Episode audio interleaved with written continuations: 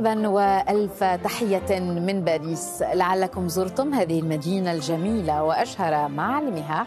لكن ستكتشفون في هذا البرنامج أن للعاصمة الفرنسية اسرارا لا تعرفونها. أهلا بكم في برنامج أسرار باريس.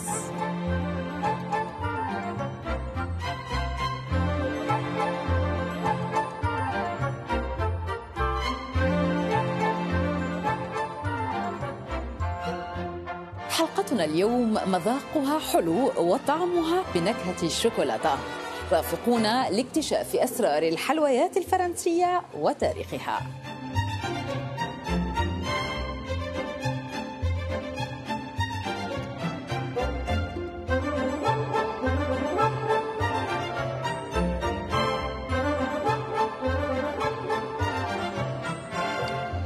التي أتذوقها تدعى الأوبرا. ولدت هنا في دار الحلويات دلويو منتصف القرن العشرين تكريما لراقصات دار الأوبرا في باريس. وكان آل دلويو من كبار الحلوانيين الذين لمعوا منذ القرن السابع عشر في خدمة الملوك والأمراء. فأبرز الحلويات الفرنسية ابتكرت لإشباع شهية الحكام كما سنرى في هذا التقرير. أمسية شتوية منتصف القرن السادس عشر. قرب نار متقدة تجلس الملكة الأم كاترين دو ميديسيس مع أبنائها ومذاق حلوى البوبلان لا يزال يدغدغ حلقها. هذه التحلية من اختراع حلواني دو ميديسيس. رافقها مع ثلة من الفنانين والحرفيين والطهاة الإيطاليين عندما تركت موطنها الأم فلورنسا للزواج بمن سيصبح بعد سنوات ملك فرنسا أنري الثاني. طهاة هذه الملكة ساهموا بإضافات هامة للمطبخ الفرنسي. لعل أبرزها في مجال الحلويات عجينة ال pâte à choux التي ستسمح بابتداع طائفة واسعة من الأصناف على مدار القرون اللاحقة. في عهد الملك لويس الرابع عشر دخلت الحلويات عصر الأبهة والتفنن. خلال حفلات البلاط الفاخرة راحت قوالب الحلوى ترتفع عدة أمتار وصار تقديم الفواكه فنا منمقا ومدروسا. أواخر القرن السابع عشر سطع نجم فرانسوا ماسيالو. هذا الطاهي تألق في خدمة العائلة المالكة وعدة أسر أرستقراطية.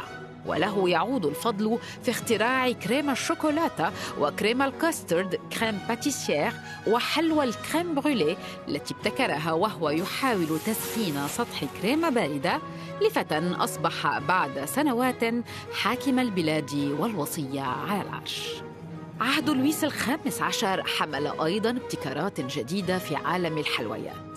عام 1725 تزوج الملك الفرنسي بابنة ملك بولندا المخلوع ستانيسلاس ليتشينسكي الذي كان يعد من أرفع ذواقة عصره. في أحد الأيام اشتكى ستانيسلاس الذي صار دوق منطقة اللورين من أحد أصناف كيك البريوش الذي وجده جافا جدا. فقام حلواني الدوق نيكولا ستورير بإشباعه بالكحول وأضاف إليه الكريمة وحبات العنب والزبيب. فاخترع بذلك حلوى بابا أوغم التي أسماها وقتها علي بابا تيمنا ببطل رواية الدوق المفضلة ألف ليلة وليلة. لكن عصر الحلويات الذهبي كان بامتياز القرن التاسع عشر. وكان نجمه بلا منازع كبير الطهاة أنطونان كاريم الذي أغنى موائد الحكام والأباطرة باختراعاته كاريم كان شغوفا بالهندسة فجعل حلوياته تحفا عمرانية تبهر العين قبل أن يعشقها اللسان.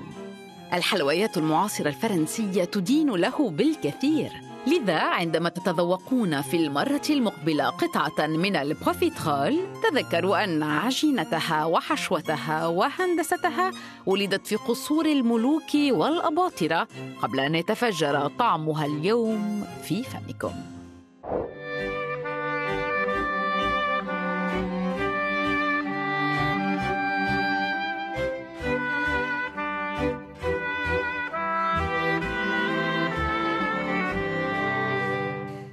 أواخر القرن الثامن عشر كانت الشوكولاتة شرابا محلا بسكر القصب ومطيبا بالفانيلا وبالكثير من التوابل والبهارات. لكن كل ذلك تغير يوم أصيبت الملكة ماري أنطوانيت زوجة الملك لويس السادس عشر بآلام حادة في الرأس. فقام صيدلاني الملكة سلبيس دوبوف بمزج الأدوية التي كانت الملكة تكره طعمها بزبدة الكاكاو فاخترع بذلك أول قطعة شوكولاتة جامدة. كيف وصلت الشوكولاتة إلى بلاط فرنسا؟ قصة نتعرف إليها في هذا التقرير. هذا المساء الحفلة عامرة في بلاط الملك لويس الثالث عشر. وحدها الملكة متأخرة تنتظر في جناحها كوبا من شرابها المفضل الشوكولاتة. بفضل هذه الملكة الإسبانية الأصل عرفت فرنسا هذا المشروب السميك الذي قدم خلال مأدبة حفل زواجها عام 1615 وكان الكاكاو رائجا في البلاط الإسباني منذ القرن السادس عشر بعدما جلب الكونكيستادور إرنان كورتيس بعضا من ثماره من المكسيك وقدمه إلى ملك إسبانيا. في فرنسا بدايات الكاكاو كانت خجولة لكن خلال عهد لويس الرابع عشر صار مشروب الشوكولاتة حديث الحاشية يقدم في صالونات قصر فرساي أيام الاثنين والأربعاء والخميس. وكانت الألسن النمامة تروي أن للملكة عشيقين الملك والشوكولاتة التي كانت تفرط في احتسائها بعيدا عن أنظار زوجها. فلويس الرابع عشر لم يكن يستلذ الشوكولاتة التي قال فيها إنها تخدع الجوع لكن لا تملأ المعدة. خلفه لويس الخامس عشر ناقضه الرأي تماماً. فهذا الملك كان يستسيغ إعداد كوب الشوكولاتة بنفسه. ما زاد من شعبية هذا المشروب لدى الحاشية والنبلاء.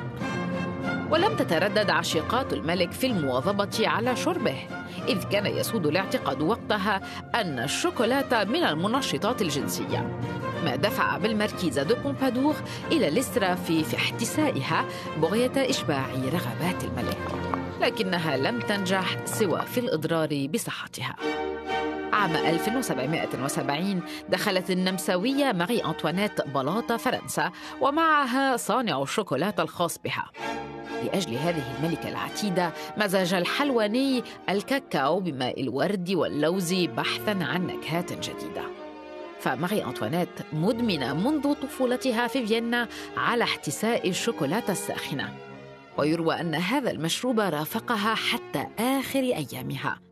فيوم إعدامها كان فطورها الأخير قطعة خبز مصحوبة بكوب من الشوكولاتة. لعل أشهر الحلويات الفرنسية هي الماكارون ولدت بصيغتها الحالية في دار الحلويات لا رافقوني للتعرف بقصتها وتاريخها مع رئيس لا دافيد أولدير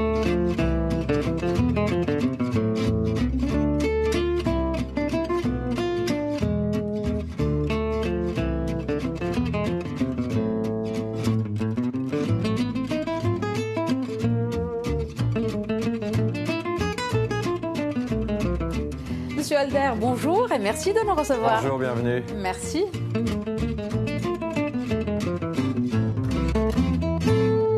حلوى المكارون عمرها قرون لكنها لم تكن تشبه الحلوى التي نعرفها اليوم أخبرنا كيف اتخذت شكلها الحالي هنا في دار الحلويات لا دوري Alors, le macaron existe depuis la Renaissance.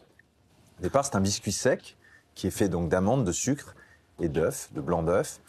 Ladurée a eu l'idée, donc l'héritier de Ernest Ladurée, donc qui a créé cette maison en 1862, a eu l'idée d'accoler deux coques de macarons, qui au départ, comme je le répète, était juste une coque de biscuits sèches, qui existe depuis tout temps.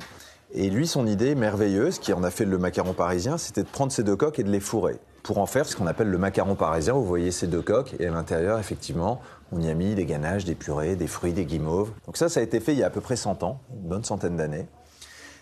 dans cette maison, ici même, dans ces cuisines, ici, sous nos pieds, et ensuite, quand on a repris la maison en 1993, nous avons eu l'idée de créer des collections. Puisque quand j'ai repris la maison, il existait quatre parfums de macarons uniquement, puisque depuis 100 ans, il l'avait créé, mais n'avait pas eu l'initiative de créer des collections au fil des saisons.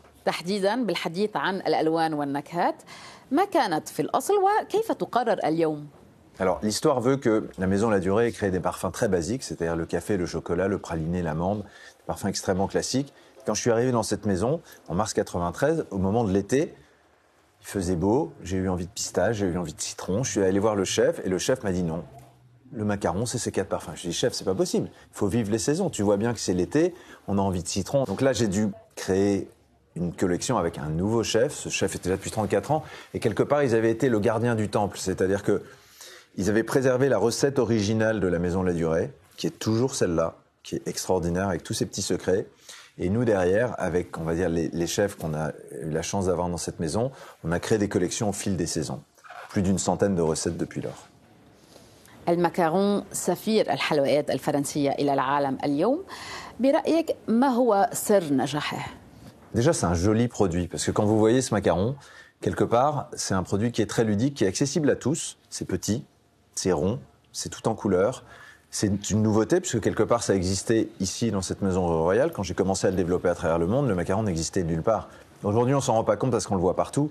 Le, macaron n'existait qu'à Paris, rue Royale, chez La Durée, originellement. Et que c'est vrai que toutes ces couleurs, toute cette palette de couleurs que vous voyez ici, et il y en a eu plus d'une centaine de réalisées, c'est beau. C'est un joli petit produit. C'est déculpabilisant parce qu'effectivement, on parle pas d'une grosse pâtisserie. On parle d'un petit macaron qu'on peut partager. Et c'est surtout un joli moment d'échange puisque finalement j'ai souvent constaté que les gens commentent, partagent, goûtent un macaron ensemble. Ce qu'on peut difficilement faire avec une pâtisserie, alors que là le macaron est un produit idéal pour partager et passer des jolis moments de vie. سيد دافيد ألدير شكرا جزيلا على استقبالنا وعلى كل هذه المعلومات ميرسي et au revoir. Merci à vous.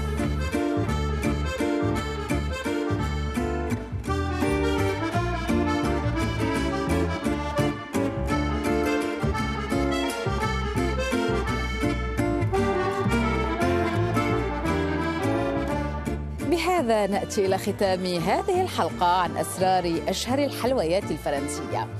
على أمل أن تبقى أيامكم كلها حلوة كمذاقها أودعكم وأضرب لكم موعدا في حلقة جديدة من أسرار باريس.